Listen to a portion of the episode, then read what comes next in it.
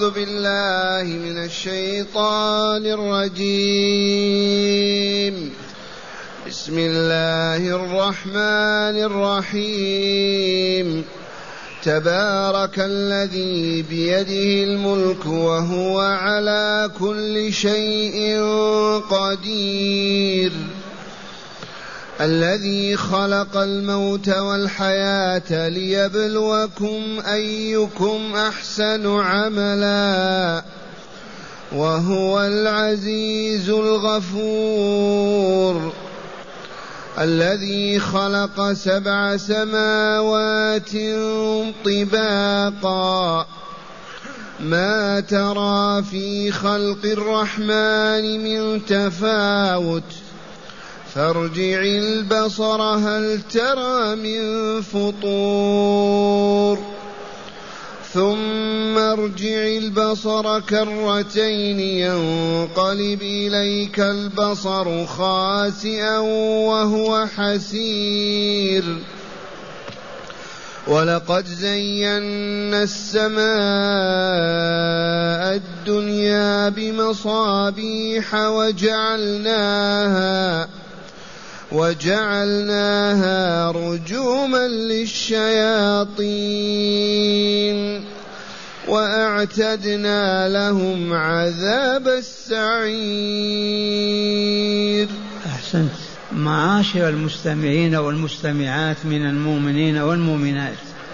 قول ربنا جل ذكره تبارك الذي بيده الملك وهو على كل شيء قدير. هذا هو الله رب العالمين.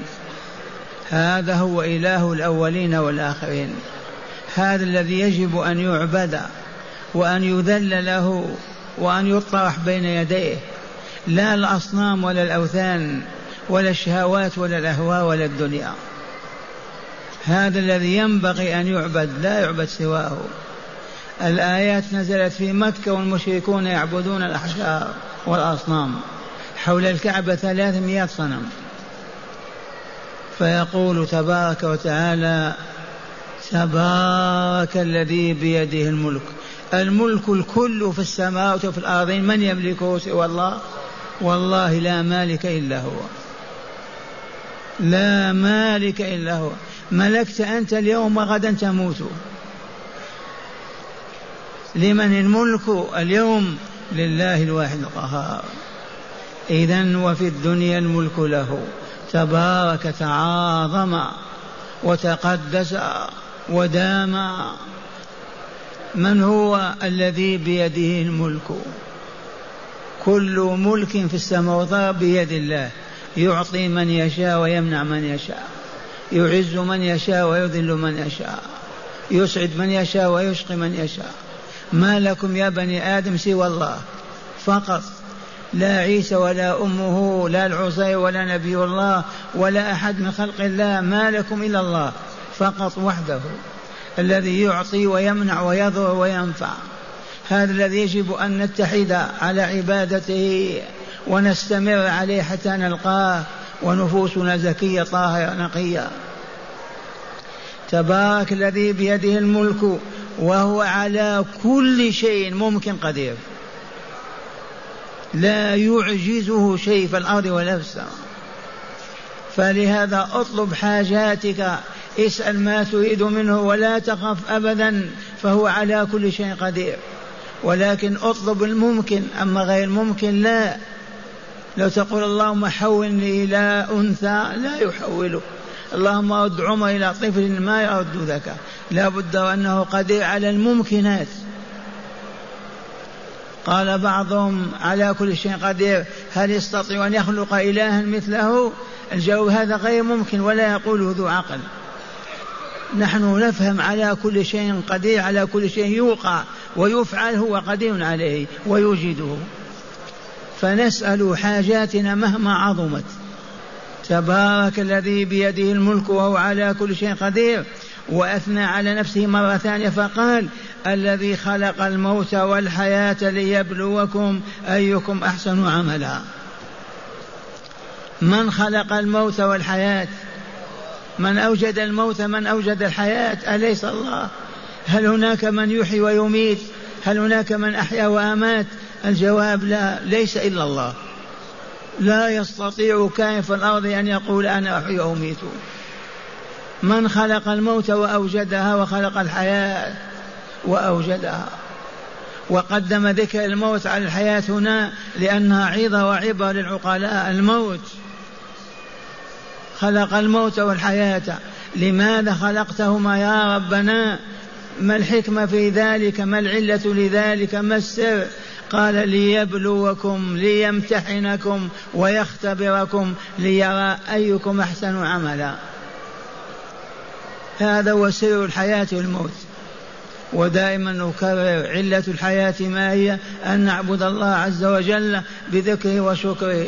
علة الموت ما هي؟ لنجزى على عملنا في الدنيا شكرا كان أو كفرا.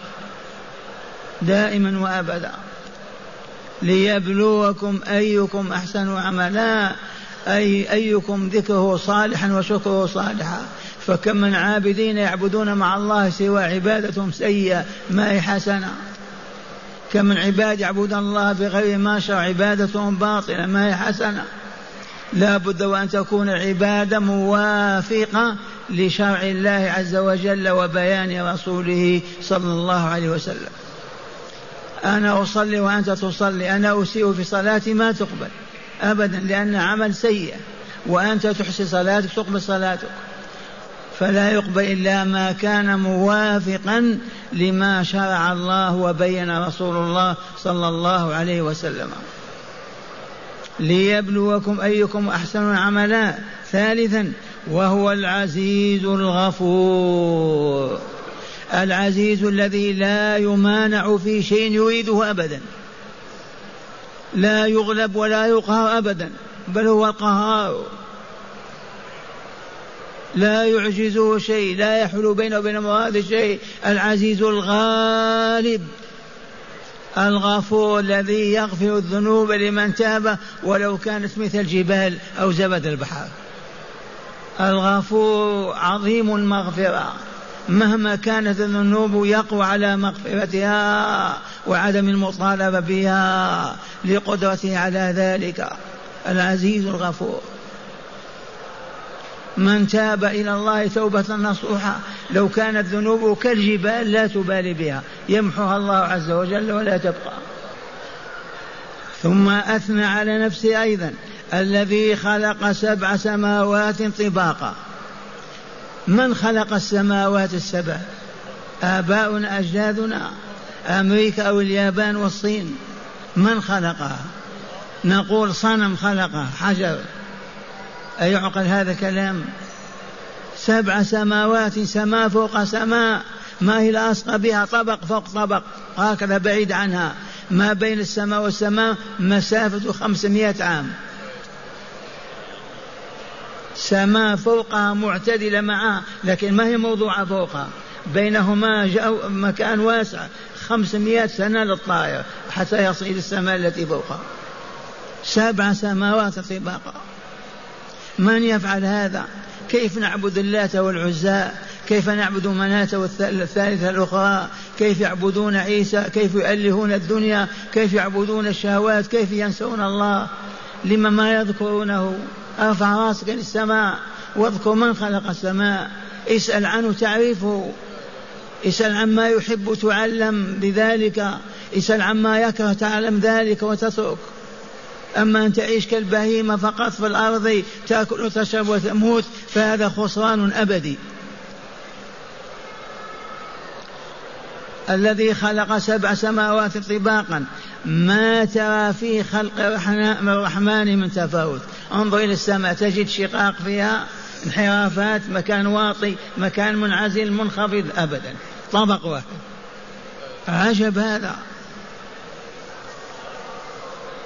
طباقا ما ترى في خلق الرحمن من تفاوت أبدا فارجع البصر مرة ثانية وارجع وانظر. والله تعيا وتتعب وتحط راسك ما تجد مكانا من خلق هذه السماوات؟ أيخلقها مخلوق من مخلوقات؟ من يقدر على رفعها هذا ورفع هذا؟ سبع طبقات سماء فوق سماء. الذي خلق سبع سماوات طباقا. ما ترى في خلق الرحمن من تفاوت. فارجع البصر أيها السامع. هل ترى من فطور؟ والله ما ترى. لا شقوق ولا تقطع ولا تمزق. ثم ارجع البصر مرتين كرتين مرة أخرى. ينقلب إليك البصر بصرك خاسئا ذليلا وهو حصان تعبان. هذا بعد شوي تتعب. ما رأيت شيء. ينقلب ينقلب إليك بصره خاسئا ذليلا تعبا وهو حصير تعبان ينقلب إليك البصر وهو حصير. ثم قال تعالى وهو يثني على نفسه بهذا الكمال ولقد زينا السماء الدنيا بمصابيح وجعلناها رجوما للشياطين. من الفاعل؟ ولقد زينا نحن رب السماوات والأرض نحن رب العالمين رب الأولين والآخرين زينا السماء الدنيا بمصابيح. من أوجد هذه الكواكب؟ هذه في السماء الدنيا فقط السماوات الستة الأخرى لا كواكب فيها ولا نجوم. لكن هذه لأجل بني آدم لأجل أهل الأرض ليذكروا ويشكروا. ملأ السماء الدنيا بالكواكب والمصابيح والنجوم؟ ولقد زينا السماء الدنيا هذه القريبة منا بكواكب النجوم مصابيح جمع مصباح منير كما ينير المصباح. وقيل في الصبح صبح لأنه كالمصباح ينير الحياة ويضيئها. ولقد زينا السماء الدنيا بمصابيح وجعلناها رجوما للشياطين. ما تشاهدون كيف الكوكب يجري؟ الشياطين لما يحاولون أن يستمعوا ما, ما تقوله الملائكة من الغيب الذي عند الله وينزلون به إلى رسول الله صلى الله عليه وسلم يرجمون بتلك النجوم. يؤخذ من الكوكب العظيم قطعة ويوم بها. أو توجد كواكب صغيرة مخلوقة لهذا فقط للرجم فقط. والكل صحيح. رجوما للشياطين. والشياطين جمع شيطان.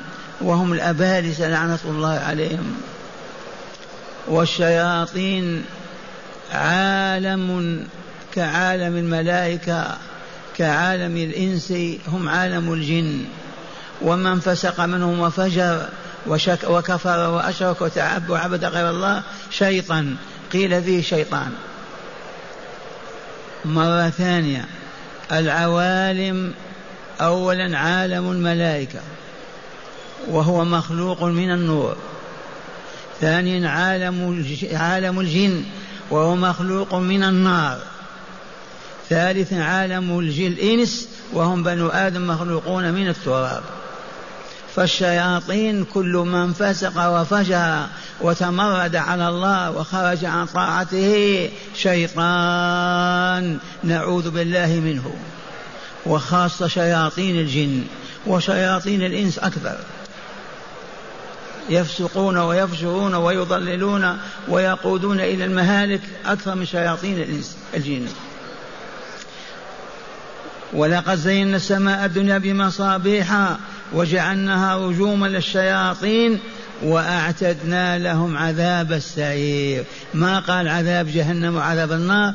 السعير أشد حرارة من جهنم أشد من النار. عذاب خاص في النار. بالشياطين. عذاب السعير. الآيات تقرر لا إله إلا الله محمد رسول الله والدار الآخرة لا بد منها. أيما آدمي ذكر أنثى آمن بأن لا إله إلا الله وعبد الله آمن بأن محمد رسول الله واتبعه فيما جاء به وآمن بالبعث والدار الآخرة والجزاء. إلا وأصبح ولي الله. أصبح وليا من أولياء الله. ومن أعرض عن واحدة من هذه فهو في الهالكين. والعياذ بالله. من عبد مع الله غيره كالمشركين في مكة يدخلون الجنة والله ما يدخلونها آمنوا بالله ولئن ستهم خلقهم لا يقولون الله ولكن يعبدون الشيطان والشياطين في الأصنام والأحجار. فالذين أيضا يعملون الصالحات يسقون العطاش ويشبعون الجياع ويعتقدون أن لا حياة الدار الآخرة ولا كالشيوعيين هؤلاء يستعودون أو ينجون أو يكملون مستحيل إذا هذه الآيات وما يأتي بعدها من سورة الملك تقرر لا إله إلا الله محمد رسول الله. وتدعو العباد إلى عبادة الله ليعبدوا فيكملوا ويسعدوا في الدنيا والآخرة. إذ لا سعادة ولا كمال إلا بشرع الله وما فيه من الأنظمة الدقيقة والقيام بها. ومع هداية الآيات. بسم الله والحمد لله والصلاة والسلام على خير خلق الله سيدنا ونبينا محمد وعلى آله وصحبه. من هداية هذه الآيات أولا تقرير ربوبية الله تعالى بعرض دلائل القدرة والعلم والحكمة والخير والبركة وهي موجبة لألوهيته أي عبادته دون سواه عز وجل. إيه نعم. من هداية هذه الآيات تقرير ربوبية الله وأن الله رب كل شيء ومليكه. هذه الربوبية مستلزمة قطعا لأن يعبد وحده ولا يعبد ما سواه. فالربوبية مستلزمة للألوهية. ما دام ربا يملك كل شيء وبيده كل شيء ويعذب ويشقي ويسعد إذا هو الذي يعبد. فلا يعبد غيره أبدا. فمن هداية هذه الآيات تقرير ربوبية الله المستلزمة لعبادته وحده دون من سواه. ثانيا بيان الحكمة من خلق الموت والحياة. ثانيا من هداية الآيات بيان العلة والحكمة والسر في خلق الموت والحياة. لما خلق الله الموت والحياة؟ الجواب من الله. ليبلونا ليمتحننا ليختبرنا. أنطيعه أم نعصيه؟ أنذكره أم نكفره؟ أنشكره أم لا نشكره؟ وهكذا. للمحنة للابتلاء. فمن آمن وعمل صالحا أسعده في الدارين ومن كفر وفسق وفجر أشقاه وعذبه في الدارين. فحاشاه تعالى يخلق هذه العوالم كلها والجنة والنار والسماوات والأراضين وكل المخلوقات ليلعب يعني لا لشيء. أعوذ بالله أعوذ بالله. ما خلق هذا إلا من أجل أن يمتحننا ليبلونا أنذكره ونشكره أم نكفره ولا نشكره. نعم.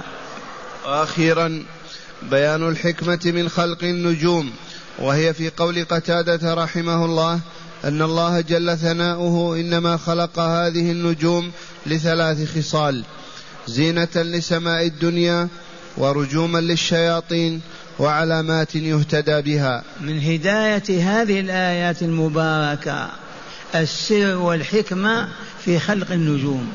لما خلق الله النجوم؟ ليضيء لنا الكون ولترجم بها الشياطين ولنعرف بها الطرق في البحر والبر لما نمشي في الظلام. الكوكب يدلنا هذا شرق وهذا غرب لثلاث فوائد. الفائدة الأولى ما هي؟ زينة السماء ولقد زينا السماء الدنيا بمصابيح. جملها وزينها ولا؟ لما تكون مظلمة كاملة كيف هي؟ ثانيا الشياطين رأيناهم يرجمون وإلى بأعيننا ثالثا المسافرون في البر والبحر يشاهدون الكواكب يعرفون الطريق. ثلاث فوائد. نعم. قال رحمه الله فمن تأول فيها غير ذلك فقد تكلف ما لا علم له به وتعدى وظلم. هذا كلمة قتادة. نعم. من قال توجد حكمة غير الثلاثة قد اعتدى.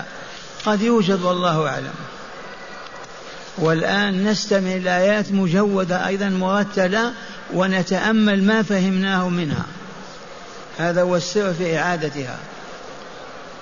أعوذ بالله من الشيطان الرجيم. بسم الله الرحمن الرحيم. تبارك الذي بيده الملك وهو على كل شيء قدير. من أراد شيئا وطلب الله فليطلبه من الله. إذ بيده ملكوت كل شيء. بيده ملكوت كل شيء. كيف نسأل غيره؟ كيف نقول يا فلان ويا فلان؟ كفر هذا وشرك والعياذ بالله وضلال. الذي بيده كل شيء ما تسأل وتسأل من لا يملك شيئا. ولهذا الشرك والعياذ بالله ضلال وظلام. نعم. تبارك الذي بيده الملك وهو على كل شيء قدير. الذي خلق الموت والحياة ليبلوكم أيكم أحسن عملا وهو العزيز الغفور. الذي خلق سبع سماوات طباقا. ما ترى في خلق الرحمن من تفاوت. فارجع البصر هل ترى من فطور؟ لحظة. ما ترى في خلق الرحمن في السماء والأرض؟ هل رأيت إنسان له عينان في قفاه؟ موجود هذا؟ يخالف الآخرين. هل رأيتم من أذناه في جبهته؟ هل رأيتم من رجله في كتفه؟ أه؟ وهكذا. ما ما ترى في خلق الرحمن متفاوتا لا في السماء ولا في الأرض. دائما بانتظام عجب. لا إله إلا الله. اقرأ. الذي خلق سبع سماوات طباقا. ما ترى في خلق الرحمن من تفاوت. فارجع البصر هل ترى من فطور؟ ثم ارجع البصر كرتين ينقلب إليك البصر خاسئا وهو حسير. ولقد زينا السماء الدنيا بمصابيح وجعلناها وجعلناها رجوما للشياطين. وأعتدنا لهم عذاب السعير. أحسنت.